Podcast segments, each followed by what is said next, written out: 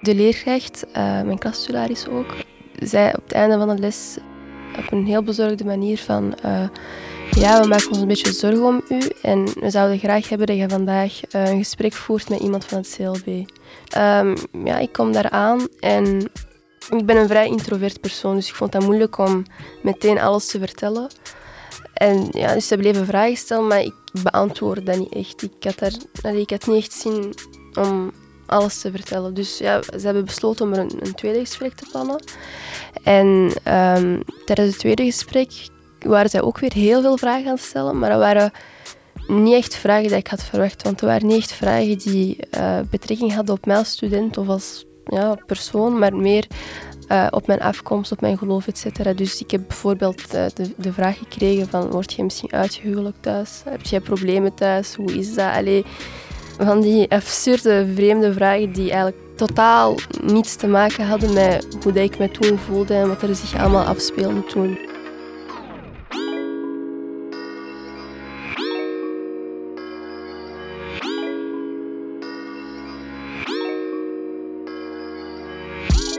Welkom bij De Andere Kant, een podcast voor en door jongeren. In drie afleveringen spreken telkens twee jongeren over hun ervaringen met racisme en discriminatie. De andere kant biedt hun een mogelijkheid om hun zijde van het verhaal te vertellen. Daarna gaan ze samen met een expert op zoek naar oplossingen. Ikzelf ben Abi Boetkaboet, een medewerker van Kif Kif, de organisatie die strijdt tegen discriminatie en voor meer gelijkwaardigheid. Samenlevingsopbouw Antwerpen vroeg ons of we deze podcasts van de andere kant in goede banen konden leiden. In deze tweede aflevering wilden we dieper ingaan op het thema onderwijs en hoe jongeren er nog al te vaak met verschillende vormen van racisme en achterstelling geconfronteerd worden. Marwa, Omar en Naima Sharkawi gaan daarover met elkaar in gesprek. We laten graag Marwa als eerste aan het woord om haar verhaal te vertellen. Ik ben Marwa, uh, ik ben 19 jaar oud en ik ben student ID en Innovation Management aan de Erasmus Hogeschool in Brussel. Uh, mijn verhaal, ja, dat speelde zich af toen ik 16 was. Uh, ik zat in het vijfde middelbaar. Ik was net van school veranderd. Um, dus ik zat op een andere school, nieuwe omgeving.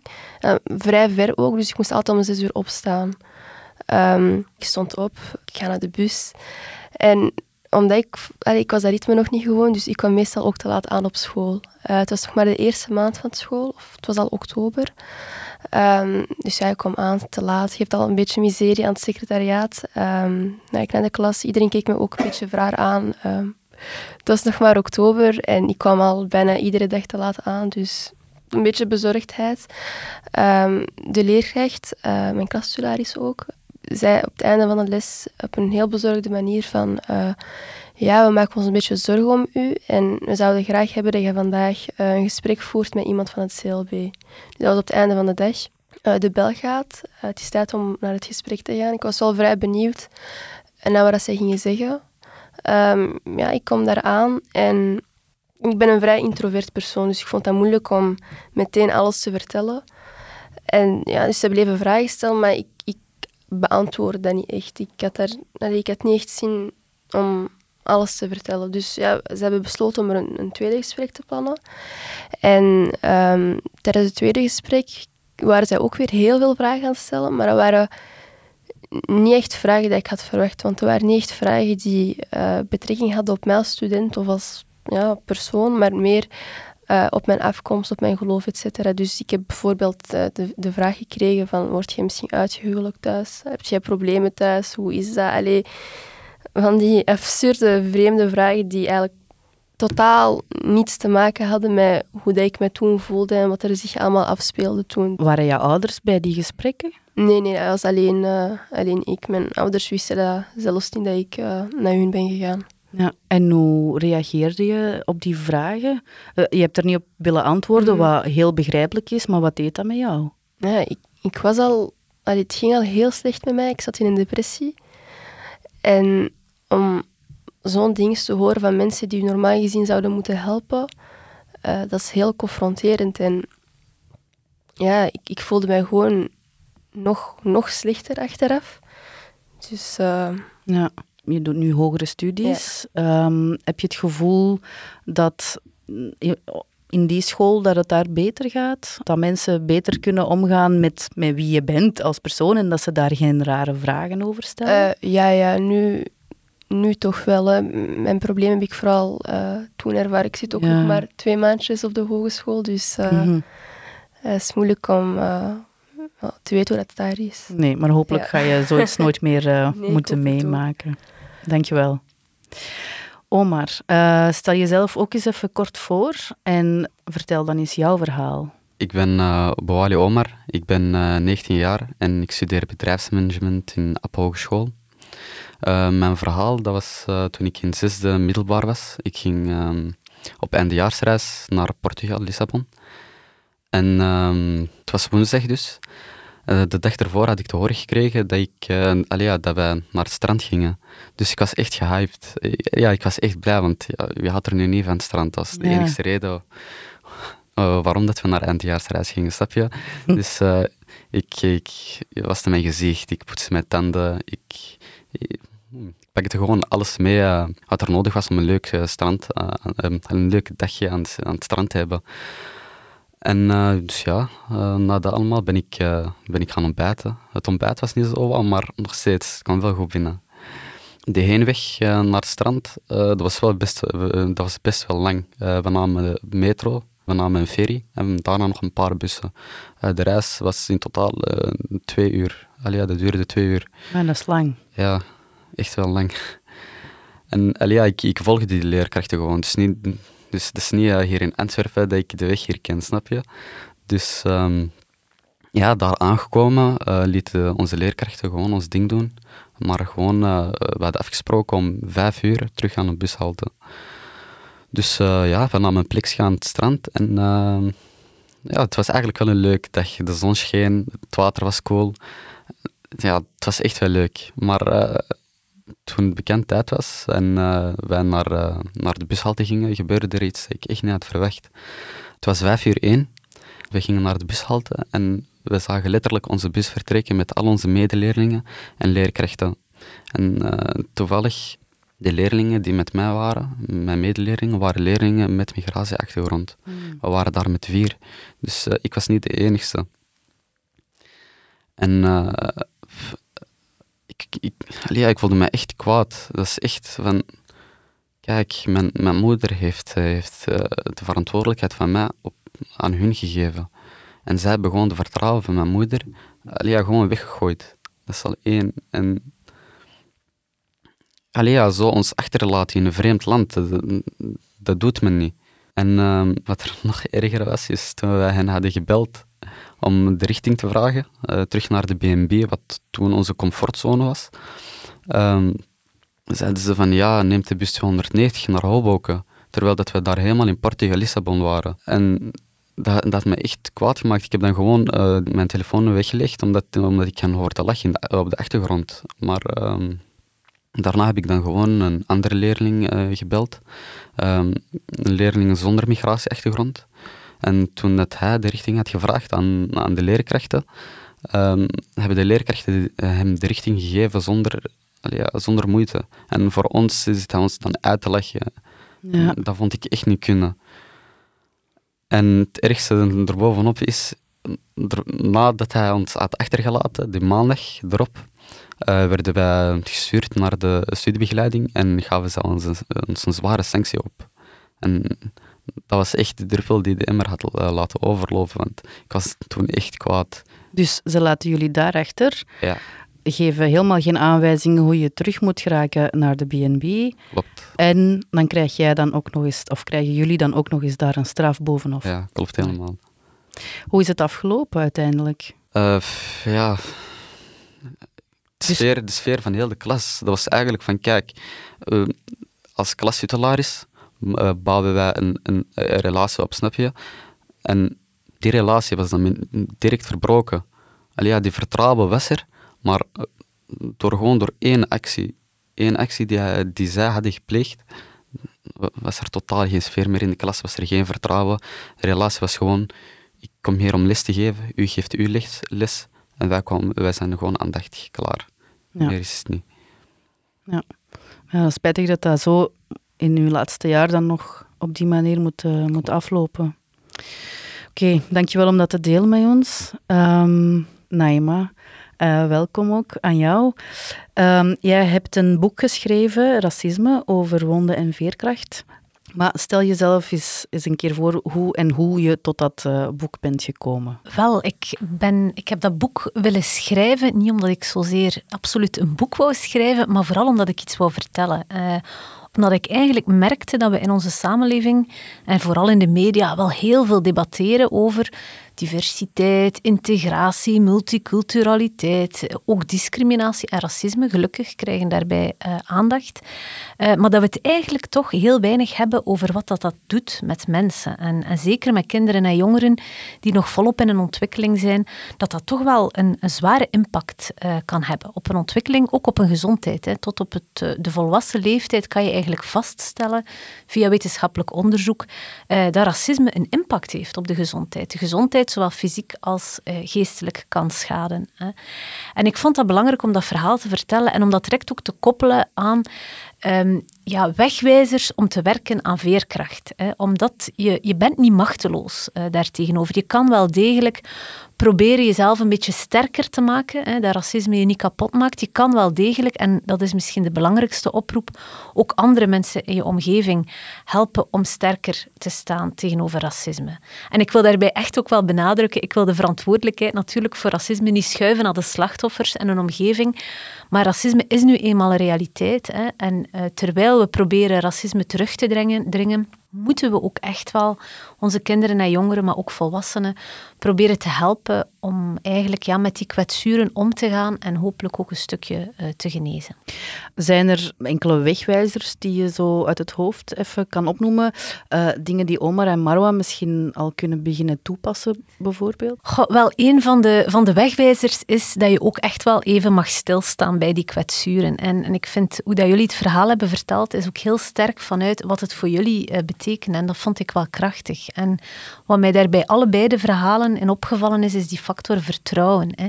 Eigenlijk, je, je wil op school, je wil bij je leerkrachten, uh, je wil vertrouwen kunnen in hebben. Dat zijn mensen die u moeten veiligheid geven, comfort, zorg, hè, in het verhaal uh, van Marwa. En het feit dat je dat op een onbewakt moment eigenlijk niet krijgt, dat je in tegendeel... Hè, um, ja, u onzeker voelt, gekwetst, ja, dat geeft echt wel een impact. Dat, dat, dat, kan, u, dat kan je echt wel meeslepen. Hè. Vandaar waarschijnlijk dat die gebeurtenis bij jullie alle twee uh, zo hard is blijven hangen. Um, en een van de dingen die helend kunnen werken, is ook echt wel die emoties toelaten. Hè. We krijgen heel vaak mee, ook van thuis uit, van je moet daarboven staan, je moet dat begrijpen, je moet u dat niet aantrekken, dat was niet zo bedoeld. Of misschien was het toch niet echt hè, racisme, maar onwetendheid. Hè.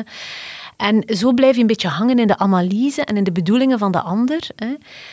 Um, en dat is misschien niet de essentie. Hè. Het is veel belangrijker om eerst, en, en, dat doen jullie heel goed, stil te staan van ja, ik was teleurgesteld, ik was boos, ik, was, uh, ik voelde mij onzeker, ik, ik, voelde dit en dat. Hè. En als je dat kan delen, hè, en, en ik hoop echt dat de meeste mensen iemand kunnen vinden hè, in een omgeving, dat kan een ouder zijn, een goede vriend of vriendin, bij wie je dat kan delen. En als je dan voelt, ah, die begrijpt mij toch een beetje, dan kan dat al een eerste manier zijn om het ook achter u te laten. Om te kunnen zeggen, oké, het was echt geen fijne ervaring, maar ik kan het nu uh, afsluiten. Mm. En misschien nog een heel andere, hè, eh, om dan te stoppen, is, uh, ja, uiteindelijk zijn zo'n ervaringen stresservaringen. Hè. En eigenlijk alle tips die je kan vinden over omgaan met stress, die kan, kan je ook gebruiken als zo'n ervaring. En sommige mensen, als ze heel veel stress ervaren, ja, die moeten dan gaan lopen of zo. Anderen hebben zoiets van, oh, nu luister ik even naar muziek. Eh, en dat zijn kleine dingen die je ook kan doen na zo'n moment. Om te zeggen van, ik neem daar even tijd voor. Wat heb ik nu nodig? Wel, eh, ik ga nu even dit doen om gewoon te bekomen. Hè. Um, wat niet belet dat je ook kan overwegen om andere stappen te zetten, hè, maar gewoon even eerst die zorg voor jezelf centraal zetten of voor je vrienden als het in je omgeving gebeurt, is echt wel heel belangrijk. Maar als je dat zo hoort, zijn er zo dingen waarin je, um, waarvan je denkt, ah ja, dat klopt wel, dat zou ik eigenlijk moeten doen of dat heb ik ook gedaan om met racisme om te gaan? Ja, als ik dat zo hoor, heb ik wel eens van, ik had dat beter moeten doen um, in die tijd, omdat ik inderdaad... Allee, al die um, dingen die aan mij werden gezegd vanuit het CLB of vanuit leerlingbegeleiding of wat dan ook, dat heeft een heel grote impact op mij gehad. Ik, ik ben dat jaar, ik ben ook blijven zitten. En ja, als ik zo hoor van, om dat even te laten bezinken en um, daar toch iets ja, ook te vertellen, want ik heb dat ook aan niemand verteld toen. Ik liet dat gewoon allemaal in mij, omdat ik ook gewoon het gevoel had dat het mijn eigen schuld was. Van, allee, dat eigenlijk aan mij lag meestal. Mm. Dus um, ik, ik er, nu, als ik dat achteraf bekijk, heb ik wel iets van, oké, dat was wel racistisch, maar in die periode had ik iets van, oké, nee, dat is mijn eigen schuld. Ik had beter gewoon meteen moeten vertellen wat er was, of ik had gewoon beter moeten studeren, of, allee, ja. Mm En Omar, bij jou, um, Naima vertelde net dat er vaak wordt gezegd, oh, dat was niet zo bedoeld, oh, je moet er toch tegen kunnen. Zijn dat ook dingen die je zelf ook hoort als je met racisme te maken hebt op school? Uh, ja, klopt. Uh, mijn eigen moeder zegt van, ja, kijk, laat je leerkrachten gewoon met gerust, gaat die, gaat die pijn laten voelen als je je diploma in je hand hebt. Oké, okay. je hebt wel een sterke moeder. Ja, ja. Een advies dat veel ouders aan hun kinderen geven van werk gewoon dubbel zo hard, hè? want dat gaat nodig zijn om even ver te komen als de anderen. Doe dat gewoon en, en dat is een goede manier inderdaad om met racisme om te gaan. Ja, daardoor hebben wij ook een, ja, ze hebben een nadeel. Gewoon omdat wij leerlingen zijn met een migratieachtergrond, moeten wij twee keer zo hard werken als een, als een leerling zonder migratieachtergrond. En dat vind ik wel spijtig. Ja, ervaar jij dat zelf ook zo? Dat je twee keer zo hard moet werken? Ja, en je wordt er ook gewoon moe van in mijn laatste jaar, um, ik kon echt gewoon niet meer. Um, ik had ook gewoon geen zin meer om naar school te gaan of om nog mijn best te doen. Ik had iets van, allee, ik, ik doe dan mijn best en dan is dat niet genoeg. Dan moet ik nog harder werken.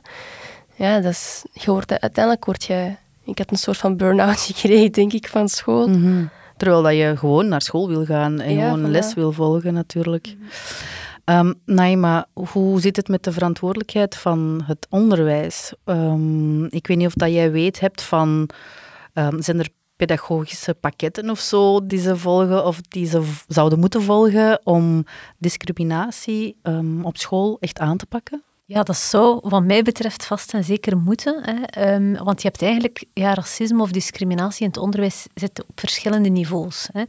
En uh, sociologen bijvoorbeeld, die gaan vooral kijken naar wat zit er nu fout in ons onderwijssysteem dat ertoe leidt dat kinderen met een migratieachtergrond, maar bijvoorbeeld ook kinderen in armoede, minder kans hebben om uiteindelijk dat diploma te halen. Hè. En, en die gaan kijken naar het systeem, de structuren, de waterval enzovoort. En dat is heel belangrijk. Hè. Dat, dat moet zeker en vast gebeuren. Maar dan heb je ook een ander niveau, het niveau van de leerkrachten. Hè. Um, en daar gaan veel leerkrachten, als ik, als ik ga spreken over racisme met, met leerkrachten, ja, dan, dan voelen ze zich heel sterk aangevallen als je die ongelijkheid in het onderwijs aankaart, omdat ze zoiets hebben van, allee, leerkrachten die racistisch zijn, dat is echt een uitzondering. Nu, daar is discussie over, want ik hoor ook wel vaak leerkrachten in het onderwijs die zichzelf ja, die heel verontwaardigd zijn over wat er allemaal in de leraarskamer of op klasraden over leerlingen wordt gezegd. Ook echt in heel expliciete uh, racistische termen. Dus dat is zeker ook een realiteit. En zelfs leerkrachten die zichzelf niet racistisch noemen, uh, die zijn daarom nog niet antiracistisch. Hè. En ik zou heel graag zien dat scholen echt een antiracismebeleid voeren. Omdat niet racistisch zijn of denken dat je niet racistisch bent, mhm. is niet genoeg. Je moet ook echt wel gaan nadenken van wat zijn al die onbewuste, onbedoelde mechanismen van racisme. Hoe reageer je als je in een handboek, en ik heb echt al handboeken gezien vandaag de dag waar ik van achterover val, als daar dingen in staan, hij zegt, ja, eigenlijk kan dat niet. Ga je dat ook benoemen? Ga je dat ook bespreekbaar maken eh, in de klas? Wat als uw collega in de leraarskamer iets zegt over een leerling? Hè? Of zit te lachen terwijl dat hij belt om de juiste eh, gegevens van de bus te krijgen? Ga je denken van, oh, ik wil geen problemen met mijn collega? Of ga je zeggen van, dit is er toch echt wel over? Wanneer wordt er van u verwacht als collega-leerkracht dat je stappen zet? Dat je effectief naar de directie stapt? En eh, hoe gaat de directie of, of eh, de schoolraad dan ook reageren? Dus dat zijn heel uh, belangrijke dingen. En dan het derde niveau, dat zijn de leerlingen zelf. We weten allemaal dat leerlingen die om wat voor reden dan ook slecht in een vel zitten, het moeilijker hebben om het goed te doen op school. En dat kunnen problemen zijn met pesten, dat kunnen problemen zijn thuis, problemen van armoede, maar dus ook problemen van racisme. Dat kan racisme op school zijn, dat kan racisme uh, in de samenleving zijn, eh, op straat, als je de bus neemt enzovoort. Dat kan maken dat je zodanig slecht zit in je vel, dat je het ook niet meer goed gaat doen op school. Hè. Je krijgt ook heel vaak op basis van je achtergrond boodschappen uh, dat je het minder goed gaat doen in de samenleving, dat er minder van je verwacht wordt, dat je niet zo slim bent, hè, dat je het minder ver gaat schoppen. Je ziet ook weinig rolmodellen. Dus dat kan er ook toe leiden dat je van jezelf gaat denken van, oh, dat is toch niet voor mij weggelegd. Dus ook dat zijn allemaal effecten van racisme die eigenlijk wegen op de leerling zelf uh, in het onderwijs. Die maken dat sommige leerlingen zich minder gaan inzetten, uh, het veel meer moeite hebben om mee te kunnen. En ook daar kan de school op inspelen. Hè. En dat is mijn oproep ook om zorg te bieden aan die leerlingen. Um, en daar kunnen een paar leerkrachten, geloof ik echt op school of CLB-medewerkers, die dat zien en die daarmee bezig zijn, kunnen daar wel, denk ik, leerlingen in ondersteunen als ze zien van, oh, uh, die leerling zit slecht in zijn vel, ik zal toch eens proberen te horen, ik zal er laten zien dat ik er voor hem of haar ben. Uh, maar ook andere mensen in de omgeving kunnen dat, ouders, tantes, onkels, uh, vrienden kunnen dat doen voor elkaar. Dus zodanig dat je ook niet van binnenuit kapot gemaakt wordt door racisme. Ja. Ik kijk even naar jullie twee. Um, waren er op de school waar jullie zaten, toen die gebeurtenissen zich voordeden, waren er wel leerkrachten waarvan jullie, bij wie jullie wel terecht konden? Of hadden jullie het gevoel van, oh, forget it, ik ga dat hier niet vertellen? Wel ja, dat is het probleem. Um, ik zat op een uh, concentratieschool. Dus ik zat op een school met, 63, uh, eh, met leerlingen van 63 nationaliteiten. En de enige uh, witte mensen die ik, allee, met wie ik in contact kwam, waren dan de leerkrachten, de studiebegeleiders, de directeur en af en toe de politie. Dus de school hoort, hoort een weerspiegeling te zijn van de samenleving, maar... Hoezo de politie? Kwam, kwam er politie op school? Of voor de school. Ah, oké. Dat geeft ook een gevoel van... Uh, van we zijn, we zijn ja, dat ja, dat je niet welkom bent, dat je daar niet hoort. Wat vreselijk. Wel ja, en uh, in mijn perspectief en in meerdere perspectieven uh, zeg ik die leerkrachten, dus de, de, witte mensen, in, in machtpositie. En wij dan in, ja, in tweede rang. Snap je? En dat hoort niet zo te zijn, want dat is de samenleving helemaal niet. Want nu, kijk, ik, ik kom dan in hogeschool en Alia, ben ik dan in de klas dan vol met uh, leerlingen zonder migratieachtergrond. En weet ik dan niet hoe ik dan met hun moet omgaan. Want alia, we maken dan onze eigen groepen. Uh, witte leerlingen daar en uh, gekleurde leerlingen daar. En dat hoort normaal niet te zijn. We moeten gewoon met elkaar communiceren. En daar begint het al van kleuters. Alia, in de kleuterklas worden wij... Alia, er wordt ons gezegd van... Ik neem nu eens bijvoorbeeld een, vo voorbeeld. Hè, van neem kleur huidskleur Mm. Welke kleur ga je dan pakken? De roze. Ja. Dat is als wat er van het begin is gebeurd. En ik vind dat echt niet, ik vind dat echt niet kunnen. Nee, dat wordt echt van kleins af aan eigenlijk aangeleerd. Hè? Ja. En wat scholen ook nodig hebben, is alleen een rolmodel. Leerkrachten die op mij lijken. Ja. Snap je? Want daar ga ik echt, daar ga ik echt alles kunnen zeggen daar ga ik echt mijn hart kunnen luchten, want zij weten waar ik doorga. Ja, zij, zij weten waar ik doorga en snap je? Ja, absoluut. Marwa? Ja, ik in tegenstelling uh, tot maar ik heb op uh, witte elitescholen gezeten. Dus ik was echt het enigste Marokkaans meisje op die school. En um, ik ben daarna wel veranderd van school naar een iets meer multicultureel school, maar ik herinner me heel goed toen ik daar zat, had ik niet het gevoel um, dat ik bij een leerkracht terecht kon komen. Absoluut niet.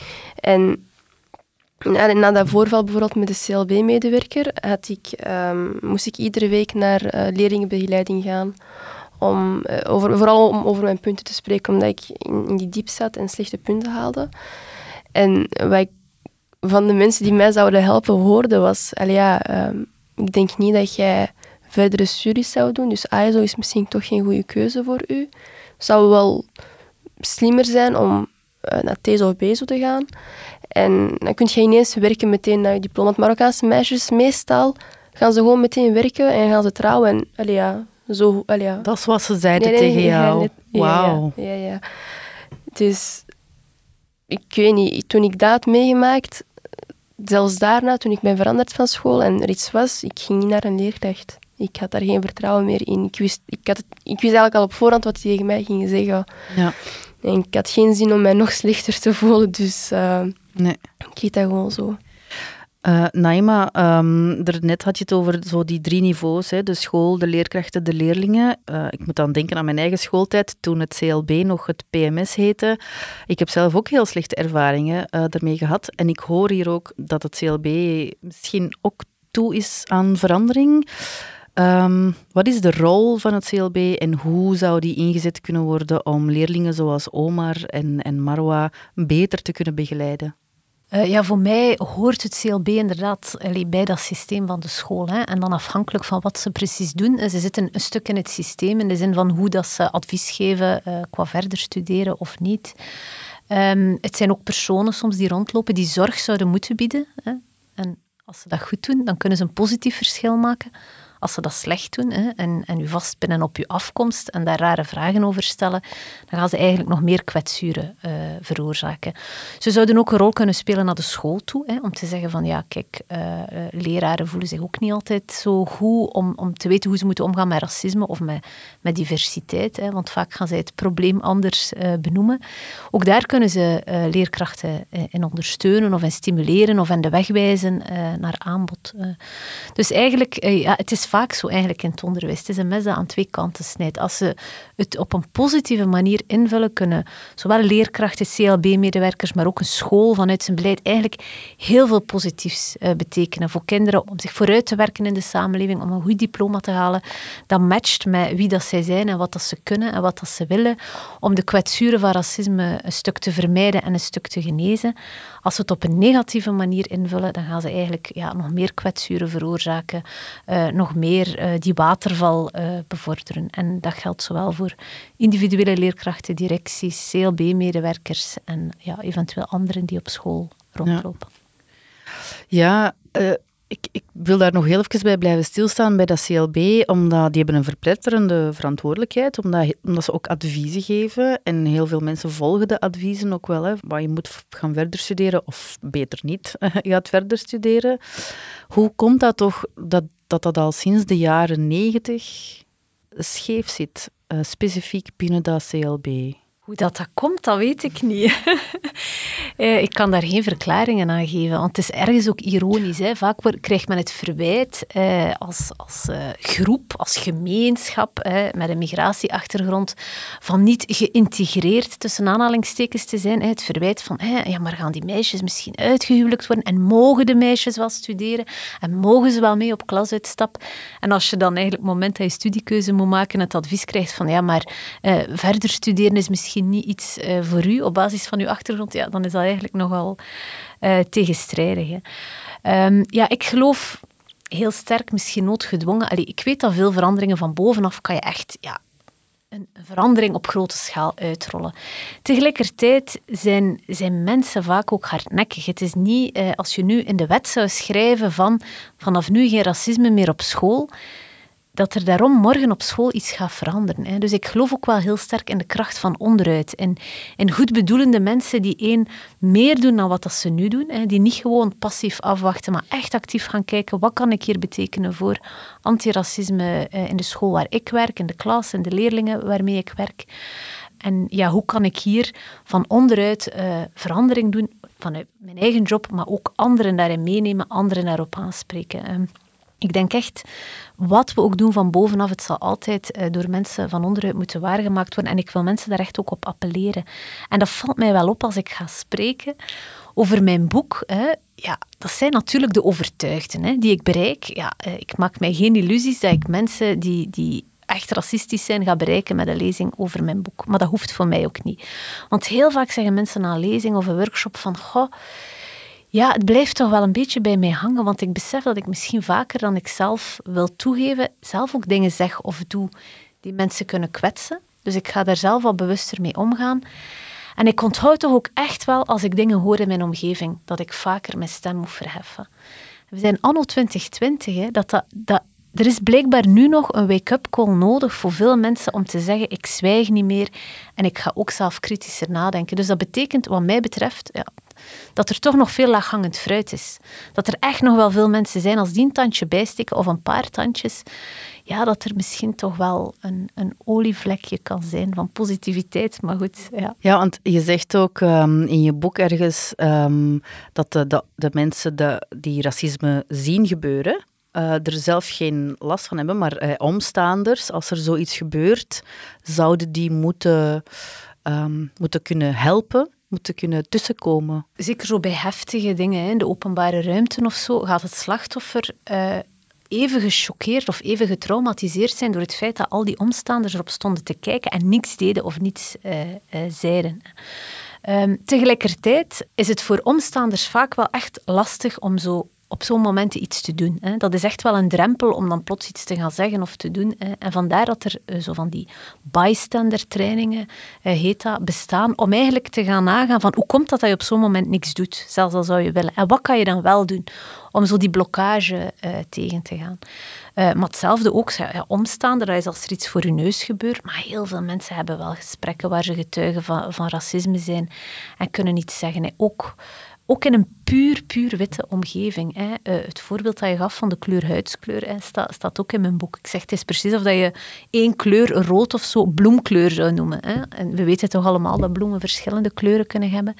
Ja, dat is iets dat bijvoorbeeld witte ouders met witte kinderen ook perfect mee aan de slag kunnen. Als een kind zegt, geef mij eens huidskleur. Zo van, ja, heb je daar eigenlijk al eens over nagedacht? Dat is toch iets geks, hè? Ja, maar iedereen in de klas zegt dat. Ja, dat is misschien geen reden om dat ook te zeggen. Hè. Kinderen daarin meenemen van, je hoeft niet altijd mee te gaan eh, met de hoop, denk eens even, even na. Want anders op het moment dat je elkaar tegenkomt, in het middelbaar of op de hogere school, dan merk je dat je eigenlijk op een andere planeet leeft. Hè. Want de ene is al helemaal ondergedompeld in wat racisme is en in al die manieren waarop het zich uit. En de ander die weet nog van toet nog blazen. Ja, natuurlijk ga je dan niet zomaar een vriendschapsband opbouwen. Hè. Want je, je hebt een andere leefwereld. Omar, je had het er straks over het feit dat dat um, van kinds af aan eigenlijk moet, moet um, meegegeven worden, zodat de wereld er beter op wordt. Maar zijn er nog dingen waaraan je denkt van, ah ja, misschien moet een school daar eens aan denken? Of uh, zijn er nog oplossingen die jij uh, ziet? Zoals ik zei, van, dat begint in, op, op de kleuterschool, maar um, volgens praktijktesten van, eh, van de VUB en van de Universiteit Gent blijkt dat ouders met migratieachtergrond um, meer worden afgewezen van sommige kleuterscholen dan ouders zonder migratieachtergrond. En zo creëren concentratiescholen, wat eigenlijk dan ook fout is. Dat hoort niet te zijn, want iedereen heeft het recht om, om school naar keuze uh, te kiezen. Ja. En zeker voor, uh, voor zijn of haar kinderen.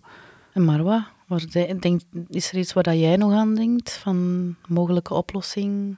Voor uh, op school. Mm um, ja, wat misschien een oplossing kan zijn, is om een soort van leerlingenbond te organiseren. Ja, ah, voilà, ja. interessant. Dat leerlingen, um, wat gebeurt er nu vaak als er iets is? Je kunt niet echt ergens terecht en het vertrouwen is ook niet echt 100%. Uh, bij een leerlingenbond, als dat dan iets uh, dat wordt georganiseerd door iemand die op je lijkt, door een rolmodel, een opbouwwerker bijvoorbeeld, dat, en ik denk wel dat dat positieve effecten kan hebben. Dat je weet, uh, bijvoorbeeld in mijn geval, toen ik met mijn depressie zat en met mijn CA-test en al die, ja, al die dingen, dat ik wist van oké, ik kan daar terechtkomen. Um, ik kan daar hulp krijgen. Ik kan daar ook gewoon weten wat mijn rechten zijn, wat mijn plichten zijn. Wat er, allee, dat ik dat een beetje weet, want je wordt een beetje in een, in een bos gegooid en je weet niet hoe, van wat moet ik nu allemaal doen. Want ik denk dat moest ik nu in die tijd uh, actie hebben ondernomen, dat ik daar wel iets tegen had kunnen doen. Hè? Want hoe dat ik werd behandeld, dat, was, niet, dat was niet echt ja, hoe dat een leerling behandeld hoort te worden. En ik denk dat wel belangrijk is dat leerlingen weten van oké, uh, ik heb wel iemand waarop ik kan steunen, al is dat buiten school. Ja. Naima, praktijktesten en een leerlingenbond, wat denk jij? Ja, ik denk dat dat zeker eh, onderdelen zijn van de oplossing. Hè. Praktijktesten hebben we spijtig genoeg nodig om om de zoveel tijd nog maar eens te bewijzen dat er nog altijd ook bewuste en systematische discriminatie eh, bestaat. Um, natuurlijk, met de testen alleen los je het niet op. Hè. Je moet dan eigenlijk daar ook gevolgen aan koppelen. Hè. Als een school daarop betrapt wordt, hè, of, of een werkgever of een, eh, verhuurder. Eh, en een leerlingenbond, ja, ik denk zeker um, ja, leerlingen zelf sterker maken van hoe kunnen we daar elkaar in ondersteunen. Uh, externen die komen waar je eigenlijk terecht kan, die je hulp bieden. Ik denk dat dat zeker ook kan helpen. Hè. Maar uiteindelijk zullen ook de scholen zelf daarmee hopelijk geholpen worden of gestimuleerd of gepusht om hun verantwoordelijkheid te nemen. De clue van de zaak is nogmaals, van het volstaat niet om niet racistisch te zijn. Hè. Dat is op zich al een uitdaging, maar je moet antiracistisch zijn en je moet ook ondersteuning geven aan uh, alle uitdagingen waar kinderen en jongeren mee te maken hebben. Ja, absoluut. Misschien om af te ronden, um, Marwan Omar, als het nu opnieuw zou gebeuren, um, de opleiding waar jullie nu zitten, als jullie weer discriminatie zouden meemaken, hoe denken jullie, allez, hebben jullie dan nu voldoende handvaten waarvan jullie denken, oké, ik zou die stappen kunnen ondernemen? Voelen jullie iets meer zelfzeker daarin? Uh, zelfzeker wel, ja. Ik, zou daar ook gewoon nu durven te benoemen, om te zeggen van, oké, ja, dit is racisme en dit is uh, niet juist. Uh, omdat ik vroeger altijd had van, nee, dat ligt gewoon aan mij, dat is mijn schuld. Maar nu kan ik dat wel echt benoemen. En om dan ook gewoon effectief daar iets aan te doen, dat te vertellen aan iemand, maar ook gewoon om stappen te ondernemen achteraf. Ik denk dat er wel genoeg instanties zijn waar je een klacht kunt indienen of waar je iets kunt doen. En om dat ook gewoon te doen, hè, dat, dat, dat, dat ook, dat is wel belangrijk dat dat gebeurt. Omar? En uh, ja, ik, ik zou eigenlijk hetzelfde doen zoals uh, Marwa. Ik zou eigenlijk gaan naar mensen die mij, die mij kunnen helpen, zoals samenlevingsopbouw. Of maakt niet uit welke... Ja, ja. Snap je? Dat je er niet alleen voor staat. Dat je weet dat je ergens terecht kunt. Ja, klopt. Maar eigenlijk ook de scholen zelf. Want kijk, de scholen, je, je, staat, je staat acht uur in een dag. Dat is, dat is een derde van je tijd. Je zet daar meer dan dat je thuis bent, eh, bij wijze van spreken. Mhm. En dat is, dat is, eigenlijk je tweede huis. En daar, als je dat, je daar niet thuis voelt, dan... Ja, hoe kun je dan uh, studeren, goed opletten tijdens de lessen? Want in, in mijn geval, ik had leerkrachten die niet luisterden naar mij. Echt niet. Die, en zeker die, die machtspositie van hun. Ja. Ook al heb, heb ik het juist, toch, ja, jij krijgt een sanctie. Jij gaat geschorst worden. Dat had ik echt meerdere keren. Ze luisterden niet naar mij. Ik, ik, gaf mijn, ik, ik vertelde mijn verhaal, maar, maar ze luisterden niet. En dat is echt een groot probleem. Uh, die machtspositie van hun ik vind dat, dat oké, je hebt een relatie leerkracht-leerling, maar ik vind dat het woord van een leerling gelijk moet zijn aan die van een leerkracht. Want een school zonder leerling, allee, ja, wat gaan die leerkrachten dan doen? het is dat. En hetzelfde vice versa. Een, een, een school zonder leerkrachten. Snap je? En je hebt elkaar nodig. Ja.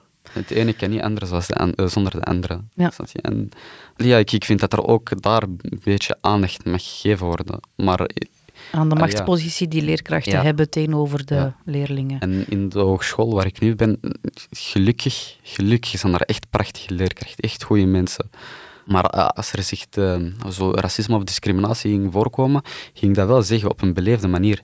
Van kijk, sorry, u doet voor alsof ik anders ben dan de anderen. kijk, ik, ik ben een mens, net zoals hij daar. Net zoals Jan of Pieter of Thomas. Snap je? Ja. Oké, ik, heb, ik heb een migratieachtergrond, maar ik ben nog steeds Belg. Ik ben hier geboren in Wilrijk. Klaar. Je moet me niet anders, anders behandelen, want dat kan, dat kan echt niet. Nee, absoluut. En als er, als er dan niks van ging komen, ging ik dan naar... Allee, ja, ging, ging ik echt aanklacht, uh, aanklacht geven, want ik ben, op, ik ben niet op mijn mond gevallen. Ik ga, ik ga mezelf niet... Uh, gewoon, hier is mijn wang. Ik ga dat niet doen. Nee, nee dat snap ik. Oké, uh, zijn er nog dingen die Naima heeft verteld waar jullie nog op willen reageren? Um, van, ah, dan, dan ja. moeten we misschien nog... Ja. Uh, die watervalsysteem. Ik vind dat, eh, dat BESO en TESO echt negatief worden, alia, in het negatief kader wordt gezet. Want alia, BESO, in, in mijn opleiding, heb, zie ik verschillende leerlingen die met mij op school zaten in, in BESO. Dat is geen probleem. Snap je? Want ik had echt waar leerkrachten die, die me demotiveerden om te gaan verder studeren. Ze zeiden echt van, kijk, links, links van u en rechts van u, jullie gaan het niet halen. Echt zo. Niet rond de pot gedraaid. Echt, jullie gaan het niet halen. Ja. Uh, ja. Nu ben ik hier gaan verder studeren. Als ik mijn diploma haal, hopelijk, inshallah, ja.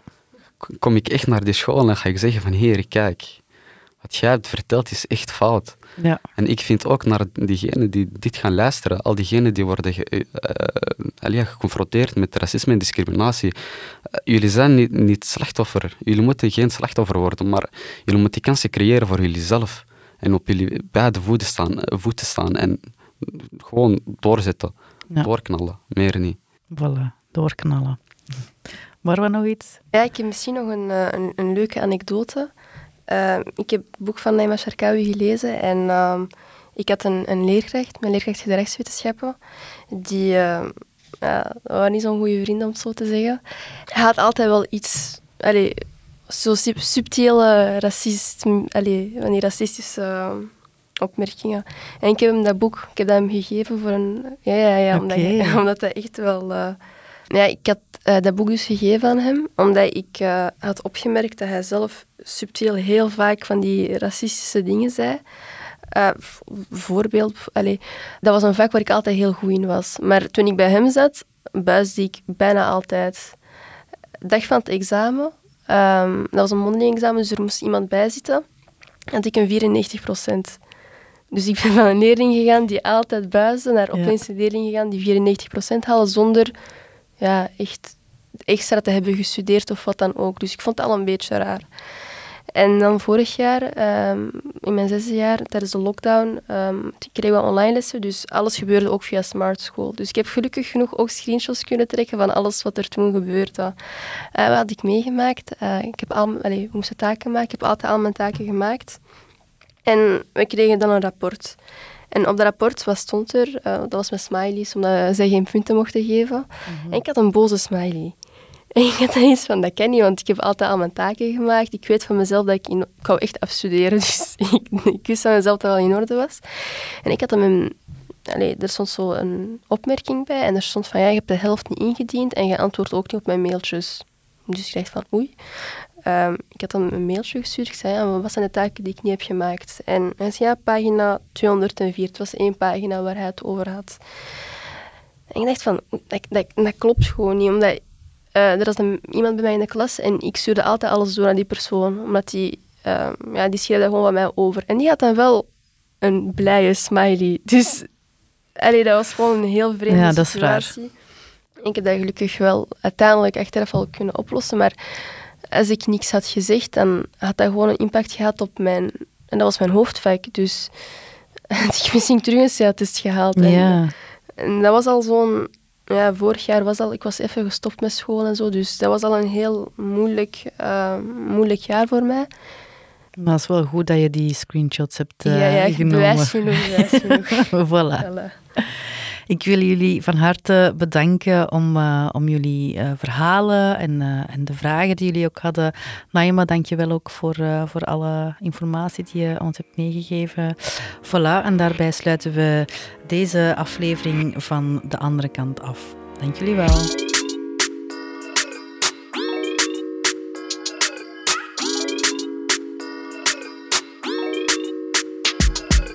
Dit was De Andere Kant.